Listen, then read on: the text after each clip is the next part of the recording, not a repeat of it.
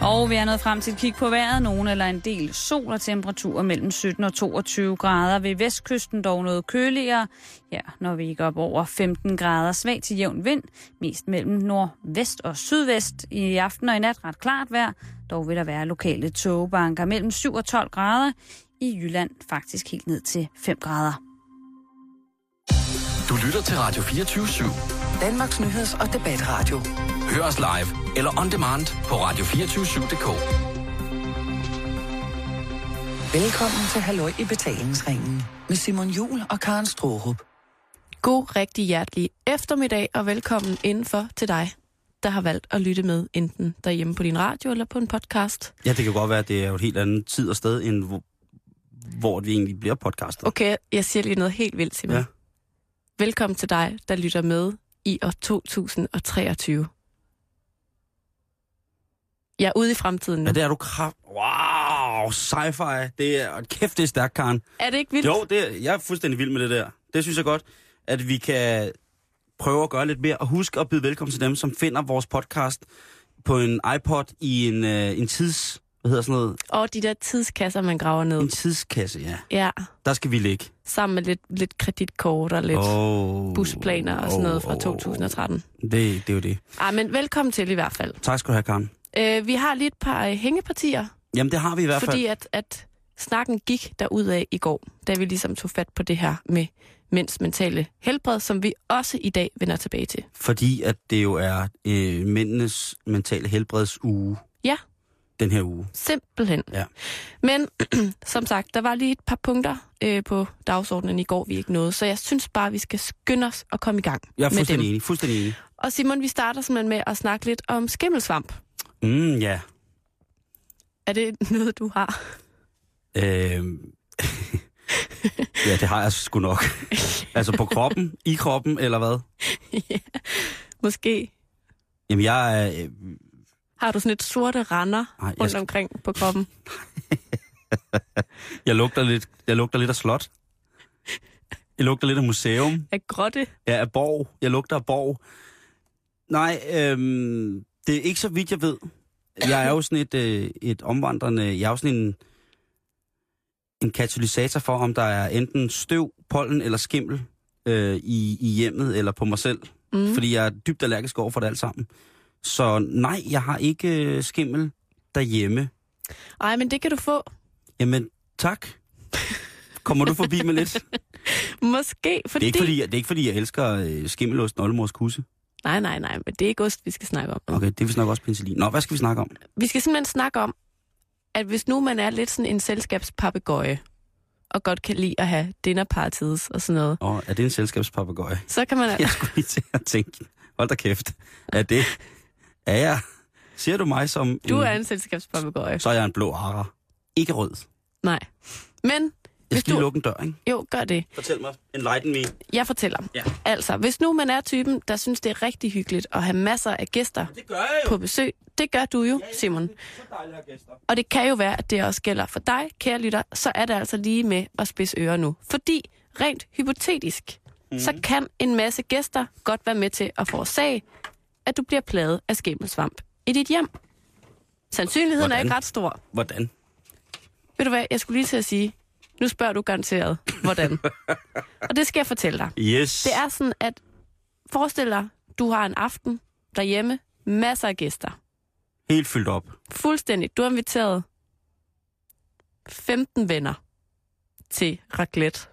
Vi skal, ja, det er Eller det. ristafel. Selvfølgelig. Festmenuen, ikke? Ja, der er gang i den. Øhm, Carton vino. mm, blanco eller rosso. Åh, Roseo. oh, skal I have rosévin? Yes, til ristafel. Okay.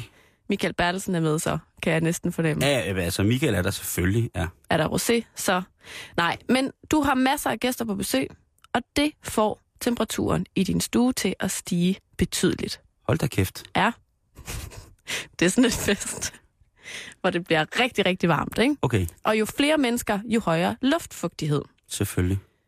Her i din stue Yes. vil der så stille og roligt blive dannet en masse kondens, fordi varm luft møder kold luft, og kondens kan føre til skimmelsvamp. Selvfølgelig. Plus, Simon, at hvis der skulle være en enkelt af dine gæster, der bor i et hjem med rigtig, rigtig meget skimmelsvamp, så kan der faktisk øh, være svampespor i deres tøj. Så Det- kan de lige tage sådan en hvert indegave med i form af lidt skimmelsvamp. Så skal de smitte hjemmefra. Mm. Jamen, jeg kender jo folk, der bor nærmest i katakomber. Og de er jo altid velkomne i mit hjem. Men jeg, ved du hvad, folk, svampespor eller Karen, så er folk velkommen i mit hjem. Ja. Jeg vil vide lige med det samme, hvornår, at øh, jeg bor jo i en meget, meget gammel ejendom. Ja. Og hvad hedder det, jeg vil vide lige med det samme, hvis det var, at øh, den der var for skimlet. Der var et eller andet, der, der skimlede op et eller andet sted, der var svamp eller øh, hvad, hvad sådan Mm. noget hedder. Så selvfølgelig er de velkommen. Men det er da meget godt at vide, men det er da også meget godt at vide, at, at det er derfor, man skal lufte ud. Ja, men nu, nu, øh, nu kommer næste spørgsmål fra dig nemlig. Øh, hvad kan jeg selv gøre for at undgå det her? Karen, hvad kan jeg selv gøre for at undgå, Jamen, at det det her skal jeg sker? fortælle dig, Sejt. Simon. det er vigtigt, både når du har gæster, Ja. og når du ikke har gæster, at du holder en rimelig ensartet temperatur i hele huset. Ah, Det må ikke være sådan noget med, at du har et helt vildt koldt rum og et helt vildt varmt rum.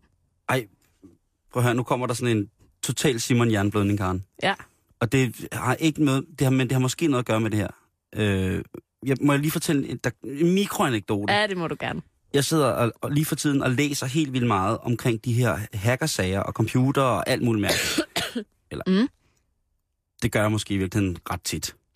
Mm. Men der læser jeg i en eller anden artikel, og jeg ved ikke, om det er sandt eller falsk, at Bill Gates, altså Microsoft-godfatheren, han i sit hus har sådan en, en termojustering, der gør, at alle folk, der kommer ind i huset, får sådan en lille dims på sig, så de kan mærke, hvor krops, hvordan deres kropstemperatur er, dem der er i huset, og så indretter huset sig selv temperaturmæssigt efter, hvad det er, så der hverken bliver for koldt eller for varmt, eller for fugtigt, for et bedre indeklima.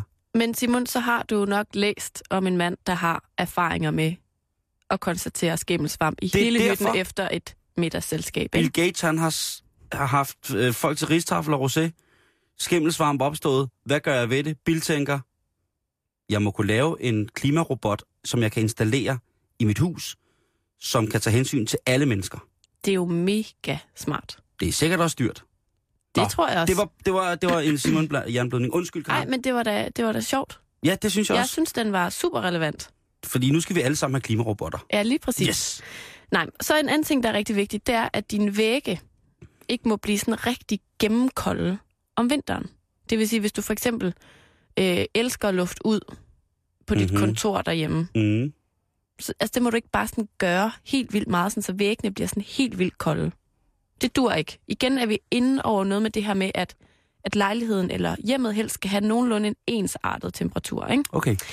Øhm, og i forlængelse af det, er det altså ikke en særlig god idé at have et vindue stående åbent i for eksempel soveværelset hele dagen lang om vinteren. Bare Nej. fordi du godt kan lide, det er lidt svalt, når du skal sove. Minus 14. Helst. Yes. Øhm, det er meget bedre at lufte ud et par gange i løbet af dagen. For eksempel 5-10 minutter lige inden du skal sove. Det er nok til ligesom at lufte ud. Okay. Og så undgår du, at dine vægge bliver Hvad så, når man gennemkolde. har sovet? Så er det også godt at lufte ud. Lad os sige, hvis hele mit ristaffelselskab vælter om i en rosébrændert, og vi alle sammen sover på stuegulvet, Mm. så skal jeg vel lufte lidt ud om dagen efter. Ja, men det, der kommer faktisk et råd lige til det. Ah. Fordi, nu skal du bare høre. Gruppe 6. Har du haft mange gæster i stuen Si, og fået en høj temperatur, si muy caliente. så er det bedst at lufte ud i stuen, inden du åbner døren ind til dit kølige soveværelse. Okay. Fordi ellers så kommer der sådan et clash imellem varm og kold luft, og så bliver der dannet kondens. Claro, Og kondens er lige Skimlo, svampo. skimlo svampo. Yes, så det skal vi ikke have. Mm-mm. Jamen, øh, wow. Er du sindssyg, mand? Det sætter noget øh, tanker i. Altså, så nu har jeg også paranoia for det. Am, i, altså kort sagt, ikke? Så skal man bare lige huske at lufte ud efter sine gæster. Mm. Er det noget med noget luftcirkulation, hører jeg? Der Ja. bliver sagt således, at man kan justere altså temperatur og fugtighed i, i rummet. Mm. Jeg, jeg, synes, jeg synes, det er ret interessant, fordi det er jo noget, som, øh, som der berører os alle sammen. Og et skimmelsvamp, det er bare i bund og grund i forhold til andet end ost ikke særlig sundt. Det er mega usundt. Ja. Jeg kender nogen, der, altså, der er blevet sådan kronisk syge, fordi de har boet et sted med skimmelsvamp. Har de mistet nogle lemmer? Ja, Hvor der, der gik de? skimmel i, i den ene læg, så skulle den amputeres. Det håber jeg ikke er rigtigt. Nej, det, det var en Eller det historie. håber jeg er rigtigt. Men et lille tips eller to givet videre til dig, Simon, og dig, kære lytter. Og nu, Simon, synes jeg, vi skal gå videre til næste hængeparti. Ja, det synes jeg. Fordi at Karen, i morgen er en sindssyg vild dag. Erotisk onsdag. Ja, det er det også. Det er også erotisk onsdag. Men det er også onsdag, og der udkommer det dejlige magasin Skalk. Uh, Magasinet, jeg ved, du elsker øh, næsten mere end livet selv. Ja. Mm. Og øh, jeg vil sige det, hvis jeg skal være helt ærlig sådan. Jeg har i mange år ikke rigtig glædet mig til, at Skalk udkom. Har du ligefrem frygtet det? Nej, jeg ved ikke, jeg ikke frygtet, men det har ikke været sådan noget så hårdt. De små hår i nakken rejste sig af forventning til, når jeg hørte, nu kommer Skalk på gaden igen. Men i morgen, Karen, der glæder jeg mig faktisk til, at det udkommer. Fordi at en forsker, han har fundet ud af, at jyske lov faktisk var danske lov. Og det står der noget om i Skalk i morgen. Det er en artikel, der bliver publiceret. Det er den dejlige Erland Kolding Nielsen, som er direktør for det Kongelige Bibliotek, som har forsket sig frem til den her retshistoriske, som det er, sensation. Og hans artikel, den bliver bragt i Skalk i morgen. What the... Tror lige, at man kommer op på stikkerne der? Det tror jeg nok. Det er sådan, at øh, normalt så synes vi, øh, når man læser omkring historier og love i Danmark, lovsamlinger i Danmark, så er det sådan, at øh, der har været tre forskellige love fungerende nogenlunde på samme tid. Der har været jyske lov, skånske lov og sjællandske lov. Det, der hedder de landlovene. Mm-hmm. Og øh, den skånske lov, det er i forhold til historie, øh, i forhold til historien, den, den ældste, og den næstældste er sjællandske lov. Men jyske lov, den havde gyldighed i Nørrejylland, Sønderjylland, helt ned til Ejderen, samt Fyn, dog undtaget de frisisk beboede udlande, hvor frisisk ret selvfølgelig galt. Så taler vi så lidt syd for grænsen. Øhm, både jyske lov og sjællandske lov blev i 1683 erstattet af Christian den 5. lov, som ligesom samlede det hele, og så sagde, prøv at høre, alle de der lov, bla bla bla. Men indtil da, der havde man jo troet, og faktisk indtil, ja, når jeg at den øh, gode Erland Kolding Nielsen, han har forsket sig frem til noget andet, har man sådan ment, at jamen, de forskellige love, altså skånske lov, sjællandske lov og sådan noget, de har været gældende de forskellige steder, som ordet jo sådan pålydende er, at de er fra, altså Sjælland og Mm-hmm. så Skåne. Men nu kan det sådan set godt være, at øh, det måske bare har været sådan nogle form for forretningslinjer, der har været, og at øh, den danske lov rent faktisk har været jysk lov fra 1241. Nå, Karen, hvad giver du mig? Er du ikke helt fremme på, på stolen og Jamen, du, tænker, var jo, du var jo selv inde på det i går, at, at nærmeste berøring, jeg ligesom har været med jyske lov, det var jo, da vi vandrede rundt i Thy Nationalpark sidste mm. sommer, og måtte samle en hat fuld af mosebøller, som er sådan en slags blåbær. Ikke mere. Og det stod i jyske lov. Af 1241? Lige præcis. Den tidligst kendte håndskrift, altså den håndnedskrevne, det var det jo alt sammen dengang, men af jyske lov, det er den, der hedder Codex Holminiensis 37, og den har muligvis været fra slutningen af 1200-tallet. Men Karen, det, er jo, det har faktisk været sådan, at i mange, mange, mange, mange år, der har vi ikke i Danmark selv haft den her jyske lov liggende skrevet ned. Den har været i Sverige. Og det kan være, fordi at det har været et krigsbytte eller sådan noget, så man ved det ikke helt rigtigt. Men altså, den, det som så nu viser sig måske at kunne være den ældste lov i Danmark nogensinde, jamen den har altså øh, ligget i Sverige. Hvorhen i Sverige? Jamen, den har der ligget på Kungliga Biblioteket i Stockholm. What? Indtil, jo, faktisk indtil marts i 2011, så fik vi lov til at få den tilbage igen. Jævler. Øh, og igen, så har der mange forskellige historier og disputter om, hvorvidt og hvordan at svenske, eller hvordan jyske lov er endt derovre. Men, hvad hedder det, øh, samtlige kilder, som har snakket om det her smukke bind, der har ligget over i Sverige, de har tit omtalt loven som Lex Danorum eller Lex Dania. Og det kan oversættes til danernes lov eller danske lov. Der har ikke været nævnt noget om sjællandske lov eller den skånske lov på den måde. Øh, så ud fra det, så antager man, og det kan være, at det har været ligesom en af grundene til, at, øh, at, at hvad hedder det, øh, Erland, han har, har ville gennem, øh, gennem, altså undersøge på godt og ondt, hvad det her det har betydet. Mm. Så kan det faktisk være, at øh, loven, den som har ligget i Sverige, har været gældende for skånske og sjællandske lov. Fordi, altså, svenske, den skånske og den sjællandske lov, den var lavet på en måde, som undgik visse elementer af jyske lov. Fordi at de folk, der boede øh, på Sjælland og i Skåne, synes at jyske lov var alt, alt for voldsom, eller den var for streng på mange måder. Med andre ord, kirken og de rige i forvejen fik ikke nok til dem selv. Nå, det er med den på. Ja, det har, det har været med den på helt sikkert. Okay. Øh, øh, hvad hedder det? Øh,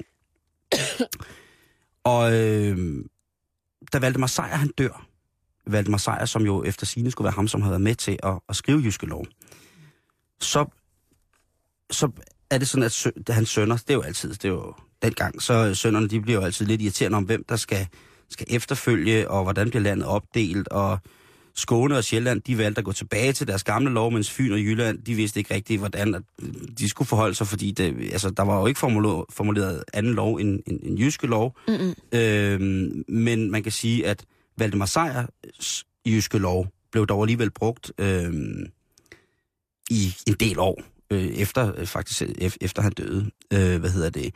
Og, og der kommer vi tilbage til, at nu er tingene, bliver, altså, tingene bliver så samlet på, øh, i 1600-tallet Mm-hmm.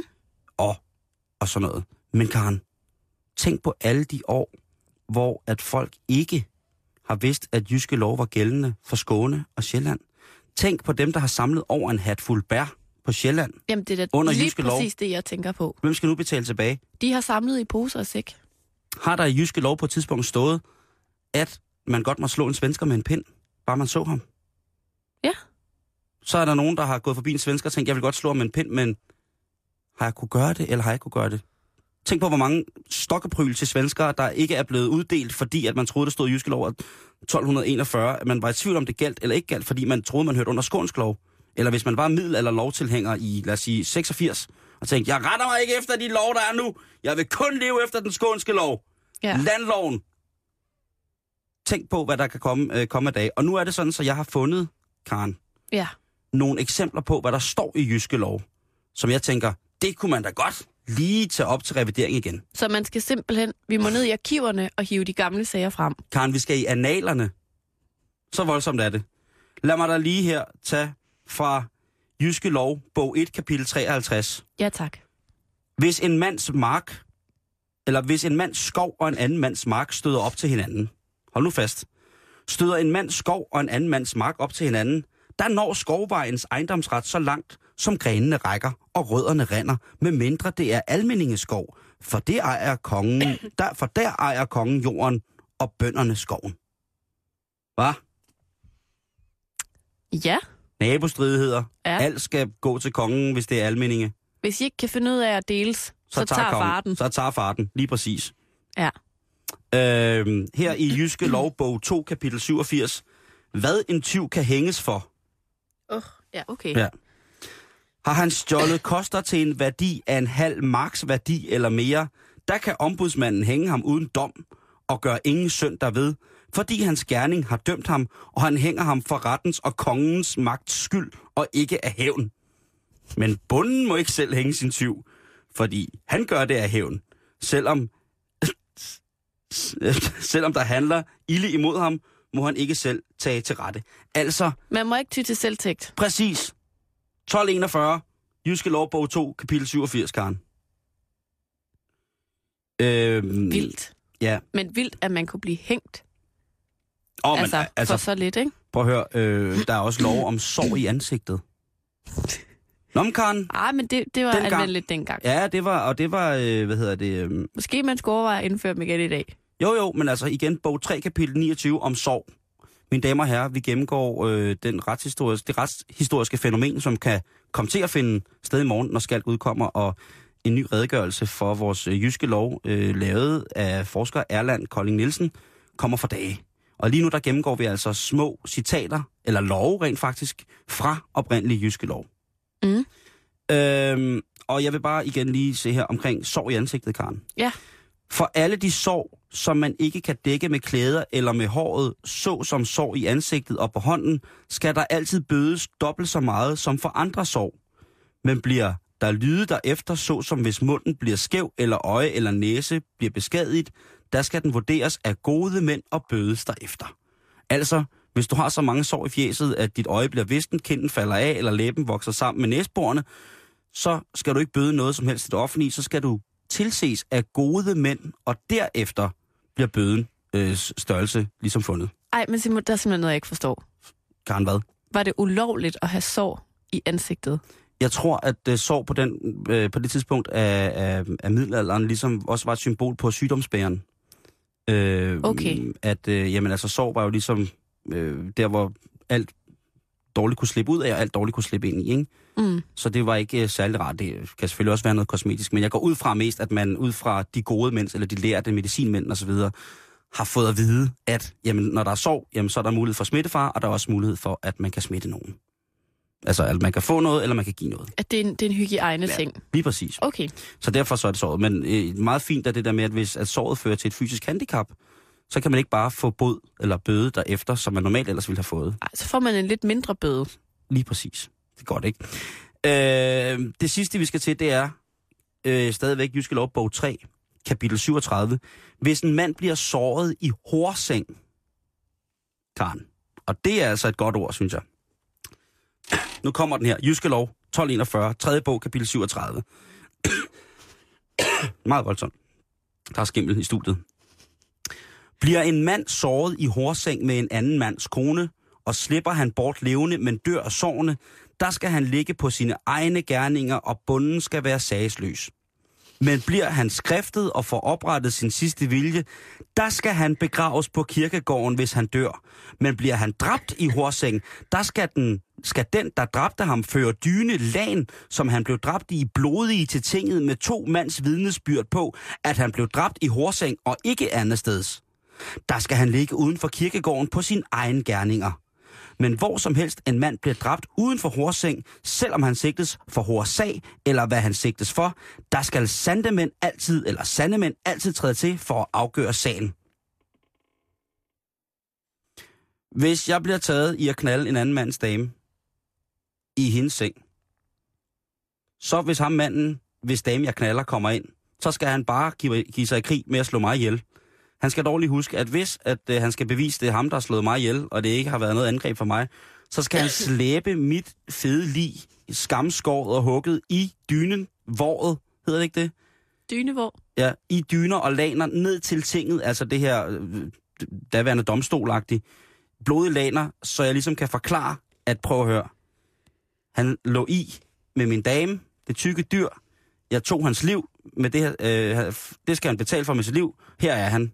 Hvad gør vi? Så kan jeg gå fri. Det må du gerne. Men jeg stenede bare... Hvad? Ja, nej. Nej, men jeg stenede bare lige over, at, at, at det ligesom også blev sagt, at hvis han overlever, Mm. så må han godt blive begravet på kirkegården, mm. hvis han angrer. Foran en præst. Ja, men, men bliver han, så, altså, det betyder jo så, at han stadig bliver slået ihjel, selvom han overlever. Ja, det vil Øh, sige, at han, han dør af sin sorg. Det står der også. Altså, hvis han så dør af sin sorg derefter. Han dør af sin sorg Ja. Over at have knaldet ja. en anden mands kone. Der står, øh, slipper han bort levende, men dør af sårene. Nå, af sårene. Mm. Okay, jeg troede, du sagde af sorgen. Nej, af sårene. Okay, på Altså, hvis, måde. hvis han træder ind, og jeg ligger og knaller en anden mands kone, og så manden træder ind, og så snitter han mig øh, løs i ryggen, men jeg når stadig at kunne løbe væk. Så i mellemtiden, mens jeg ligger og betændt og dør, og så får en præst hen og ligesom søger om til, øh, syndsforladelse, Mm. så må jeg gerne blive begravet på, på en kirkegård. Men Okay. Hvis jeg bare dør og bliver hugget ihjel, Så hvis man, hvis man skal være sådan lidt den overbærende øh, morder-type, mm, så slår man ikke øh, ham der filajsen helt ihjel. Kun næsten, Mm. mm. og så kalder man på en præst, og så... lige præcis, Ja, okay. så, så får da i det mindste en ordentlig begravelse. Jo, jo. Og det er der utrolig mange lov om, det her i øh, Jyske Lov, den ældste Jyske Lov.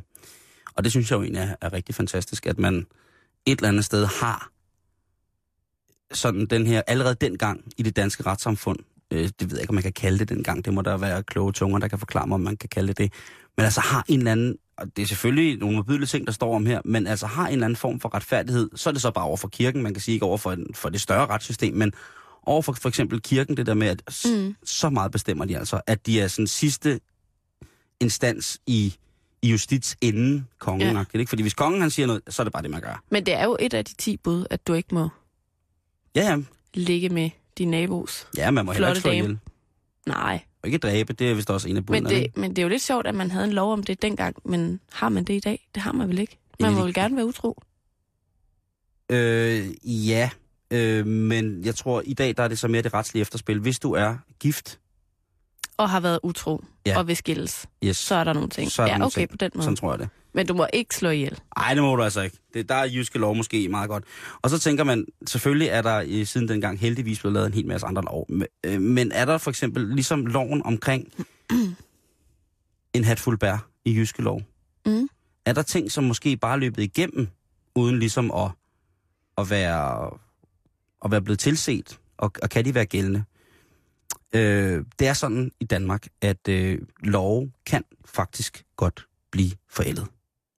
Og øh, en lov kan dø, sådan set, hvis man kan sige på den måde, ved ikke at blive brugt. Og det, øh, og det hedder desvetudo. Og det betyder altså, at hvis en lov ikke er blevet, blevet, blevet støvet af eller tilrettet samfundets nye normer eller så fremdeles, Mm. mm. jamen så er den faktisk øh, dømt ugyldig.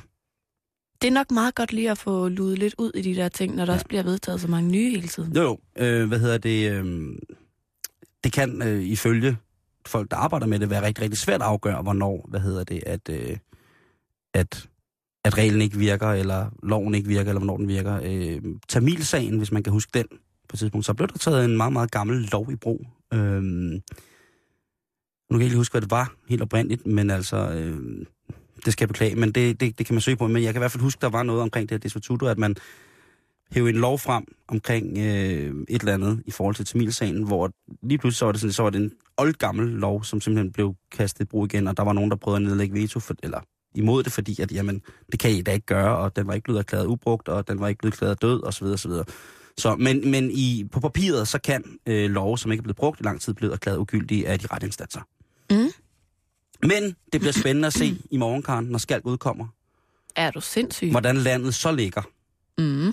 Om det stadigvæk, øh, om, om en, en hatfuld bær stadig er det, vi må, bør og skal plukke, når vi begiver os ud i den danske natur, for ligesom at arbejde med naturens eget spiskammer. Ja, også på Sjælland Ja, og i Skåne. helt sikkert, ikke? Mm. Og specielt i Skåne, synes jeg, det bliver spændende.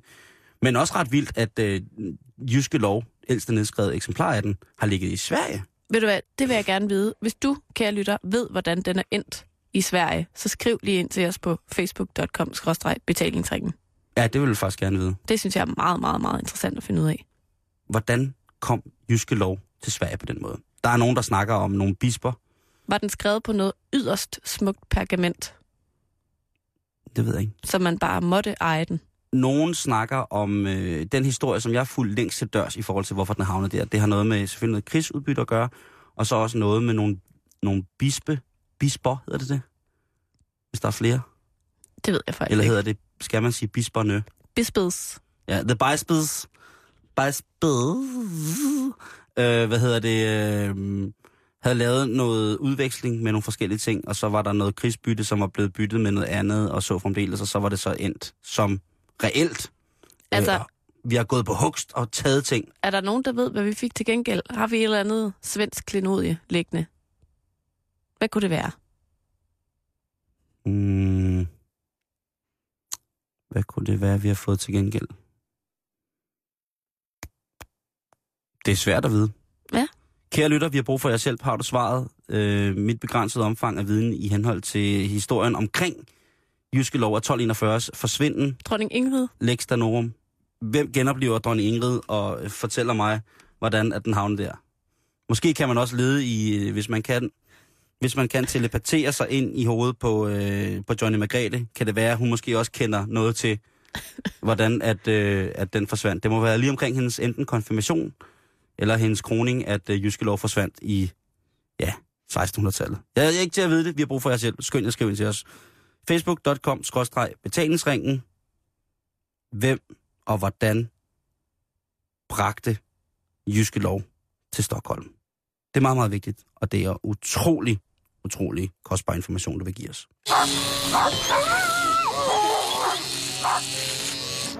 Jeg har lige barberet en labrador, en Sankt Bernards hund og en lille bernersinde. Smurt dem i løb på steg og sluppet med til en sulten gris. Hjemme hos dig.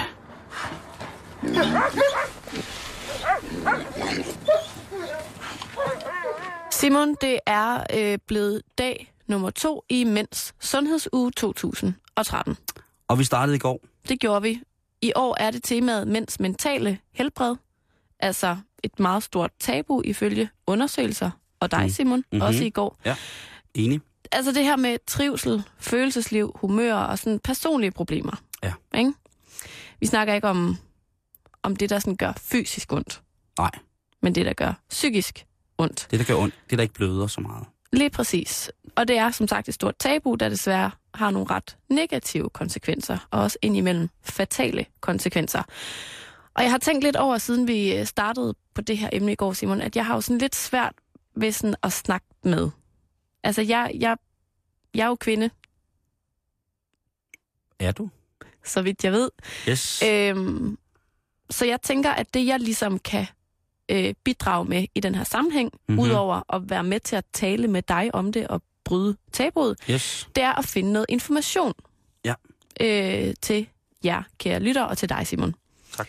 Øhm, jeg har fundet øh, sådan en lille øh, guide på en, øh, en folder, der er udgivet i forbindelse med den her sundhedsuge, Mm. der hedder, nu skal jeg se, hvad den hedder, Er du klar over det, mand? Oh. Eller er du klar over det, mand? Ja, der er leget med sproget, Karen. Jeg ved ikke helt, vi hvor kan ikke, vi trykket kan det ikke skal alle lægges. sammen være lige så effende ud i sproget, som ham, der har lavet det, eller hende, der har lavet det der. Nej. Men Ja, der står på denne folder. Oplever du jævnligt eller ofte følgende symptomer, så er der alt mulig grund til at finde ud af, hvad det er, der påvirker dig negativt. Okay. Og her kan det være en god idé at finde nogen, som du kan tale med tingene om. Det hjælper tit at få en sund snak. Så øh, her kommer en lille liste med, hvad skal man sige, symptomer på, at der måske er noget, du har brug for at snakke med nogen om. All right. Dårligt humør, for eksempel at du er ked af det eller nedtrykt, mindre eller ingen lyst til sex, at jeg ikke gør det godt nok på arbejdet eller yder mit bedste, utilfreds med mig selv og min adfærd over for andre, bekymrer mig mere end jeg plejer, bliver hurtigt irriteret eller vred, hurtigt til at bebrejde andre, jeg trækker mig fra social samvær og dem, jeg kan lide. Og noget, jeg rigtig godt kan lide ved den her liste, Simon, Mm-hmm. umiddelbart, det er det her med, øhm, at det kan være en god idé at starte med en snak. Det der med, at det jo ikke behøver at være direkte til psykologen, hvis du har et af de her symptomer, men direkte over til din homie. Altså det der med at starte lige så stille med bare at snakke med en eller anden om, at du måske er lidt nedtrykt, eller synes ikke, du præsterer godt nok på jobbet lige for tiden, eller et eller andet. Jeg tænker bare, at det der med sådan at tage det lidt i opløbet. Hvad tænker du om de her symptomer? Det er jo nogle symptomer, som... Og, og det, det er jo svært for mig ligesom at, at sige noget, hvor at man ikke kommer til at virke som en, der har forstand på det, og være lægeagtigt. Mm. Og det vil jeg lige til at starte med at sige, det har jeg jo. Jeg har ingen andre belæg for at snakke med om det her, andet end, andet end mig selv. Mm. Det vil jeg godt lige starte med at slå fast. Så der er ikke nogen endelige, eller der er ikke noget, det er ikke noget, hvis du er i tvivl, så, så gå til din læge. Øh, Ja. I, i, I alle fald, øh, fordi det sidste, jeg skal, det er at sidde og give råd om sådan nogle ting, fordi det, er, det kan føre til alt muligt. Så øh, ifølge samtalen med Karen Storp, der er det for helt egen regning, at øh, jeg taler om det her. Mm. Og det vil sige, at mange, man skal jo ikke blive bange for, hvis man føler nogle af de der ting. Fordi det kan vi alle sammen føle som mænd. Man kan sige, at det, der er farligt, det er, at hvis det bliver overliggende i forhold til, hvordan vi ellers har det. At det kun er de her ting, du snakker om, som er i fokus. Jeg er ikke dårlig nok til mit arbejde. Jeg kan præstere ikke seksuelt. Jeg er, hvad hedder det, jeg er sur hele tiden. Jeg er aggressiv. Alle sådan nogle ting. Og så alt, hele den der negative, det der negative portefølje af et eller andet, ikke? Øhm, det er noget, man selvfølgelig kan lægge mærke til hos sine venner. Øhm, og det var det, vi snakkede om i går, Karen, det der med, at jamen, det, der er det allervigtigste ved at kunne åbne op for at snakke om, hvordan vi har det Mm. mentalt, det er, at vi stoler på hinanden. Mm. Det er virkelig, virkelig, virkelig, virkelig. Eller bare gider lægge øre til. Det er også rigtig, rigtig vigtigt, at man som ven over for sin mandeven, fordi nu handler det om mænd det her, gider lytte. Mm. Og det er ikke fordi, man skal påtage sig en form for empati, når der kommer nogen og, og siger sådan noget, så det ser ud som om, ej, nu skal jeg også lytte, eller sådan ting. Og så er, det vigtigste er bare et eller andet sted, at du lytter. Og man må også godt sige, hvis det er ens bedste ven, prøv at høre, jeg forstår det simpelthen ikke, men jeg vil rigtig gerne hjælpe. Det er rigtig vigtigt. En ting er selvfølgelig, at man lægger mærke til de symptomer, som du taler om her, som udpræget er en masse negative ting.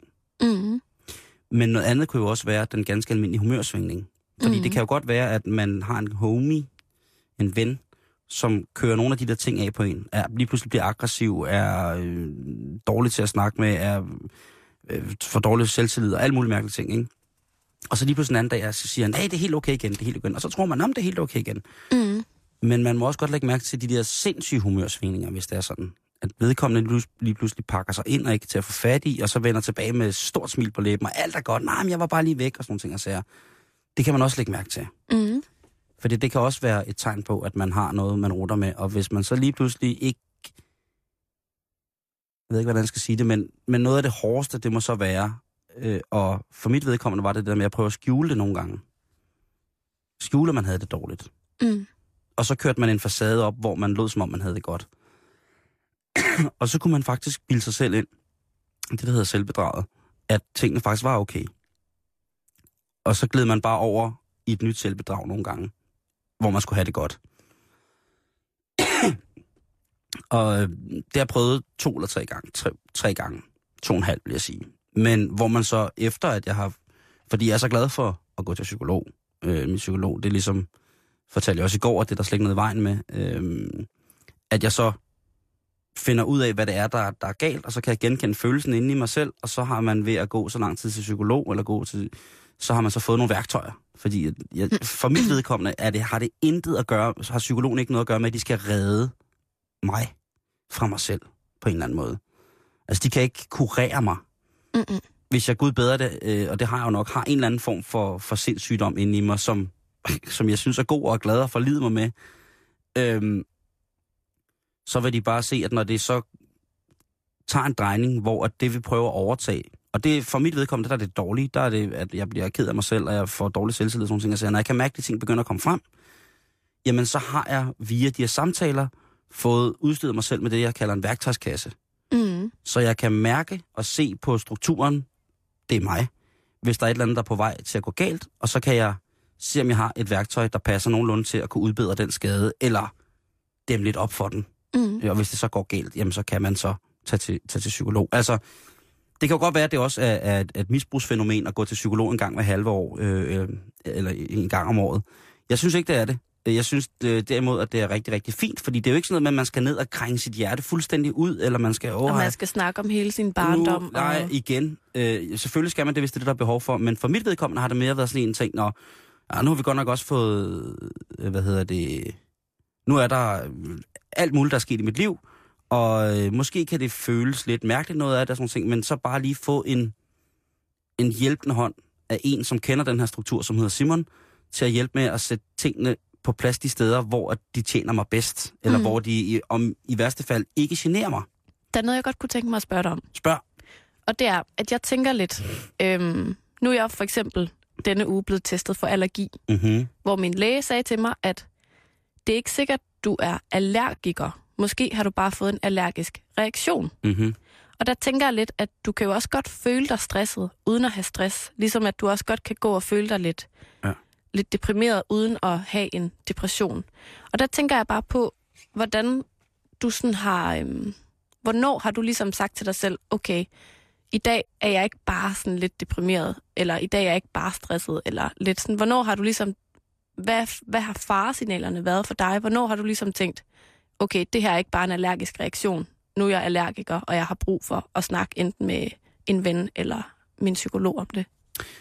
Jamen det har været enten, når jeg har været blevet ked af det. En ting, som man kan gøre, hvis man har for eksempel, en ting, der kan ske, hvis man for eksempel er deprimeret, eller man begynder at få angst, eller sådan nogle ting, og så er, det kan være, at man sætter sig ned og uden grund begynder at græde rigtig voldsomt. Det kan være en af de signaler, der gør, man, man ved simpelthen ikke, hvad der sker, men lige pludselig så er der noget inde, der knuger så meget inde i en. Det er lidt følelsen af, at kender du det, man har drukket noget for hurtigt, og man har sådan en knude, der sidder lige net, midt nede i brystet, hvor man, mm. den hverken vil op eller ned. Når den knude, den kommer frem, og man bare begynder at sidde og græde og tude fuldstændig sindssygt, uden at vide hvorfor, og man i nogle tilfælde har lyst til at tage livet af sig selv, så bliver man nødt til ligesom at anerkende det. Og det lyder meget, meget, meget voldsomt, det der med at tænke, at, at man vil tage livet af sig selv. Og det har det også været for mit vedkommende, for første gang, jeg prøvede det. Nu ved jeg, at det ligesom ikke er det, jeg ikke vil. Jeg har på ingen måde lyst til at tage livet af mig selv. Men, ja, det håber jeg altså ikke, Simon. men, øh, men, eller tage mig selv af dage, som man vil kalde det. Men jeg har lyst til at finde ud af, hvorfor det er, jeg får de tanker nogle gange. mm. øh, hvis det er, man får dem. Øh, det er nogle år siden, at det har, det har forestået, men øh, i mit tilfælde, der hang det tit sammen med, at man har været utrolig meget på druk. Og hvis man havde været endnu mere fucked up, så havde du taget en masse narko, og så var du også endnu mere fucked up. Og så går det ind og rykker ved din underbevidsthed på nogle punkter. Og så kommer der nogle ting frem, hvor at alle folk kender det, når man har været brændstiv, og man så siger sandheder. Mm. En ting er, at man siger sandheder, og man, det måske kommer, øh, at det, når man er brændstiv eller sådan noget. Men, men det kommer et eller andet sted fra, var jeg overbevist om. Så jeg blev nødt til at finde ud af med mig selv, hvad er det, der gør, at når jeg for eksempel bliver enormt stiv, så bliver jeg så modbydelig over for folk på en, på en hardcore måde.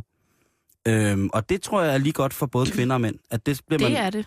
at hvad hedder det, man må finde ud af, hvad, hvad det er, hvis man bliver skræmt over sig selv. Nogle af de ting, der er, er aller værst, det er jo netop det der med at blive skræmt, for så sindssygt skræmt over sig selv. Det der med, at man tænker, hvorfor kan jeg tænke den her tanke om mig selv? Og endnu værre, hvorfor kan jeg tænke den her tanke om nogle mennesker, der står mig nært, eller jeg har kært? Mm.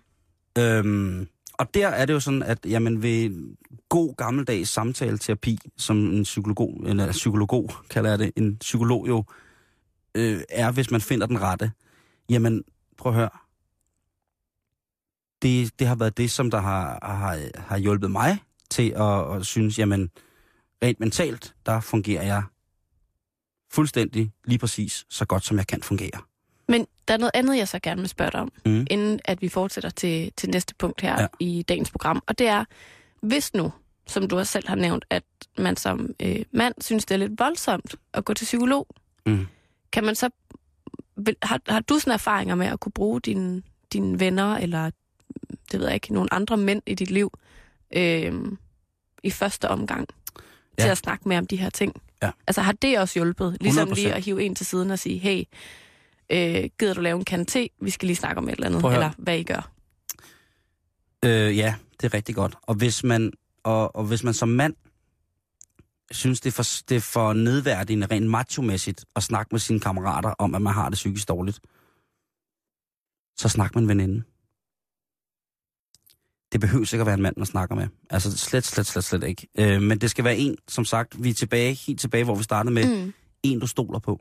Så hvis du har en bedste veninde, hvis du har en, en, en bedste ven, en, som du ligesom føler og stoler på, og du skal fuldstændig lade være med at tænke på, at Gud bebyrder nu det her menneske med alt for meget. Sådan, du skal bare få hul på det og i gang med det.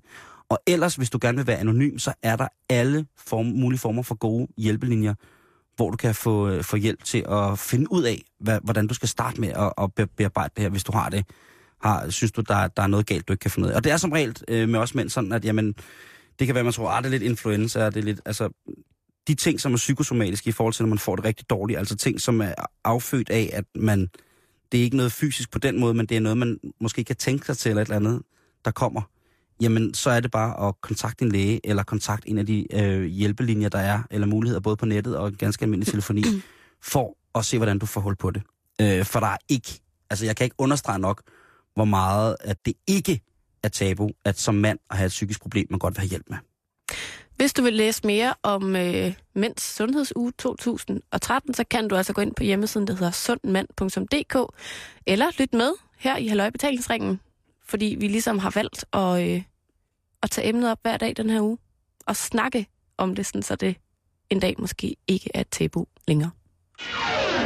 Det er tid til halløj. Tirsdag. Tirsdag. Du lytter til Halløj Betalingsringen på Radio 24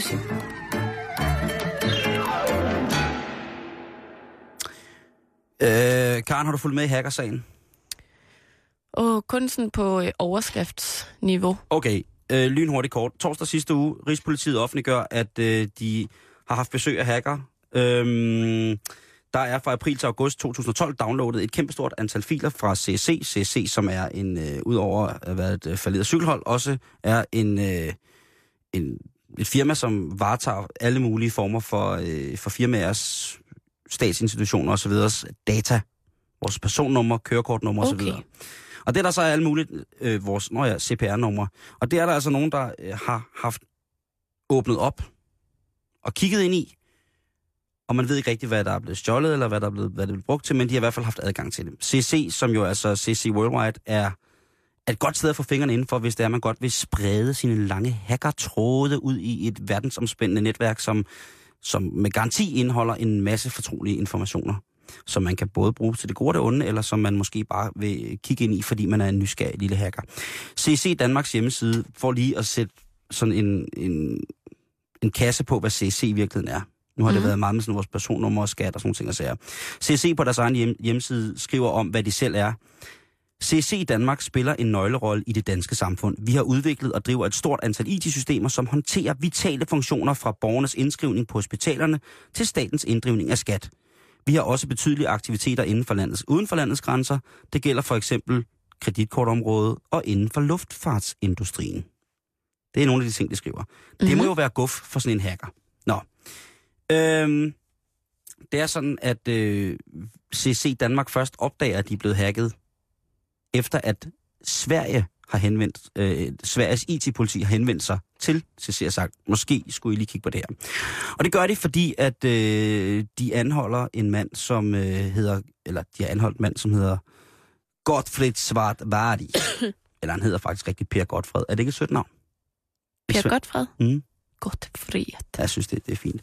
Øhm, de øh, finder nogle informationer på en kendt hackers computer, øh, og det er øh, ham her, Godfred Svartholm som vi skal snakke lidt om nu. Mm. Og Godfred, Per Godfred, som han hedder, han er 28 år i dag, og han er en af grundlæggerne bag øh, blandt andet det, der hedder Pirate Bay. Og Pirate Bay er en ulovlig, fy, ha, skam, skamme, en ulovlig portal, hvor man på nettet kan hente, hold nu fast, Karen, Jeg holder fast. gratis film, Nej, gratis tv-serier, nej, gratis tv-programmer, fy. gratis computerprogrammer. Hvad? Ja. Det er en side, hvor at ting, der er cracket, altså ting, som ellers normalt, øh, man ellers normalt skal betale i dyre domme for at købe og registrere sig hos dem, der udbyder det, eller dem, der har lavet det, nu ligger til fuld fri afbenyttelse.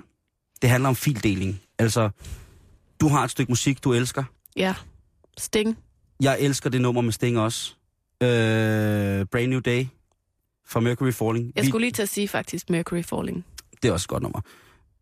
Karen, vi tager den helt ud. Vi elsker begge to hele pladen. Ja. Men jeg har ikke råd til at købe hele pladen. Nej, så må du gå sulten i seng. Ja, siger nogen. Men Godfred, Per Godfred siger, sådan skal det ikke være. Fordi hvis jeg har Sting, Mm. Nu er det nok ret tvivlsomt, om han har købt den plade, men hvis jeg har den, så lægger jeg den ud et sted, hvor at alle så kan få lov til at hente den. Så kan alle få lov til at høre hele Stings plade Mercury Falling. Gud bedre det. Så kan alle få lov til det. Tænk, hvis det skete, Simon. Sådan en tjeneste har han lavet, som hedder Pirate Bay. Det startede i, i, i 2003, tror jeg, men før det, så hed det Piratbyråen, som altså var en, hjemmes, en svensk portal, hvor man så stadigvæk kunne hente, og det var sådan meget programmer til computer, Mm. som det er lidt mere nørdet, men man, de delte så også alle mulige andre ting.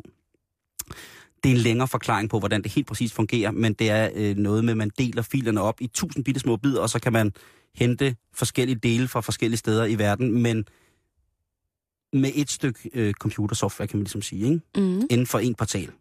Øhm, men det her, det går jo ikke øh, øh, godt for særlig godt. Øh, I 2009, der, øh, øh, der bliver han idømt et års fængsel øh, og en bøde på en million dollars for at være med til at have lavet det her Pirate Bay. Men øh, han møder ikke op i, øh, i hverken retten eller noget som helst. Han øh, er flygtet. Han er væk. Han er gone. Mm. Og øh, man finder så ud af, at øh, han, øh, han er i Kambodja her for noget tid siden. Og øh, man får, på trods af at Kambodja som sådan ikke har en udleveringsaftale med Sverige, så får man faktisk udleveret ham her, Per Godfred, hjem til Sverige. Ja. Øh, fordi han jo skal stilles for en, en, domstol. Altså, de, bliver, de, de, tre, de, de tre gutter, fire vil nogen sige, der har lavet Pirate Bay, og de bliver altså stillet for en domstol og bliver på et tidspunkt be- bedt om at betale 30 millioner dollar, eller 30 millioner svenske kroner, som er erstatningskrav for de rettighedshavere, som føler sig krænket af de her drenge, Ja. fordi de bare har lagt deres øh, musik og deres film ud til gratis afhentning. Mm. Hvad hedder det? øh, Han er, øh, han er sådan, hvad fanden det er for noget? Jeg appellerer helt lortet lige med det samme. Og øh, under den appel, jamen, så er det så, at han får lov til at øh, forsvinde. Mm. Hvad hedder det? Øh, det er meget vildt, at en, jeg synes, det er meget vildt at tænke på, at en, en gut, han er 19, og så får han lov til at, øh, og, og, og kan lave sådan nogle ting her, øh, hvor han ligesom går i krig. Og det før, de første ting, han ligesom bliver berømt på, det er, at han laver det, der hedder America's Dumbest Soldiers, altså Amerikas dummeste soldater. Der lægger han altså ting ud på siden, øh, på, på sin side, som er amerikanske soldaters dødsfald i, i krigszoner. Og så kan man så gå ind og rate, hvor dumt man synes dødsfaldet var. Det er jo dybt usmageligt. Det var lidt, øh, ja, anderledes.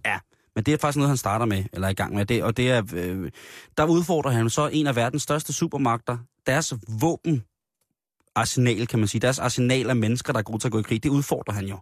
Ja. Og de prøver at få lukket ham ned. Det går ikke særlig godt. Med andre ord, den omkring i starten af 20'erne årige hacker fra Sverige, han leger kisbus med hele det amerikanske efterretningssystems IT-politi. Det er jo sindssygt. Øh, det, der så sker, det er, at øh, de faktisk selv lukker siden. Og så går det, fordi de skal sikkert bruge tid og kræfter på Pirate Bay, og så går de så i krig med det der. Så, så han er altså en, han er en idealist på, på fuldstændig, øh, fuldstændig vanvittigt niveau, ham her, øh, Per Godfred Svartholm. Øhm, men hvor alting er, så er det sådan, at, øh, at den anti-copyright, ja, nu har vi noget trafik ind og ud af studiet her, som er lidt usympatisk. Ja. Nå, jamen det er jo så, hvad der skal ske.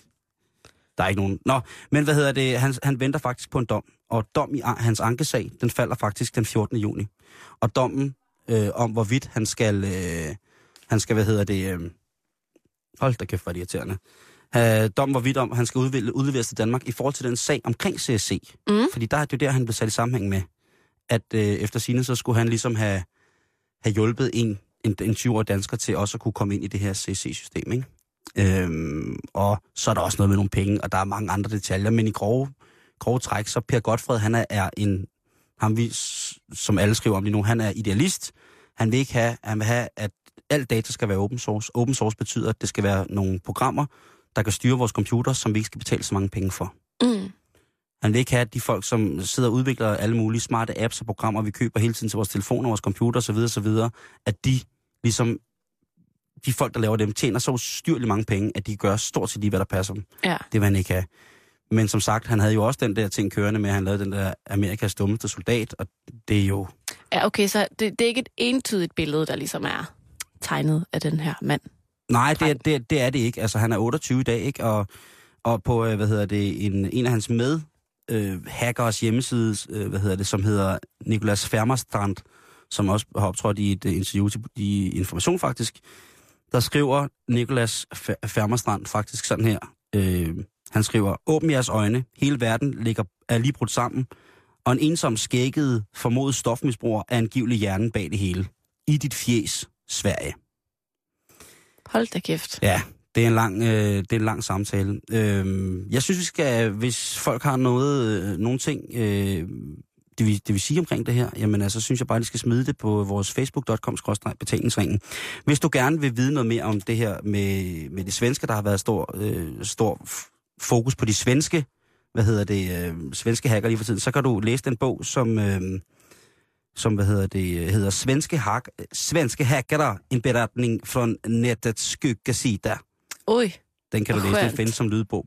Ellers så kan du se filmen, som hedder TPBAFK, The Pirate Bay Away from the Keyboard, som handler om de her tre drenge, som har lavet Pirate Bay.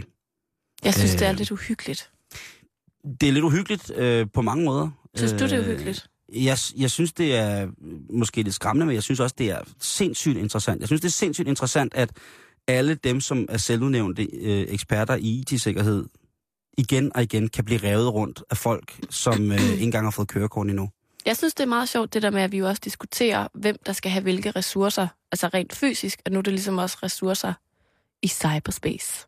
Jeg synes, det er en god diskussion. Jeg synes, det er en god diskussion. Vil I være med i den, så øh, jeg smider et link op på vores Facebook-hjemmeside, facebook.com-betalingsringen. Og øh, ellers så vender vi tilbage i morgen. Skal vi lige huske at sige tillykke til en eller anden? Ja, det tror jeg da nok, vi skal. Er det Det er Crazy Prince. Det er Crazy Prince. Det er prins Gemalen. Det er øh, Henri 79 de- flot år. Tillykke herfra. Bliv hængende, fordi nu er der 24-7 nyheder.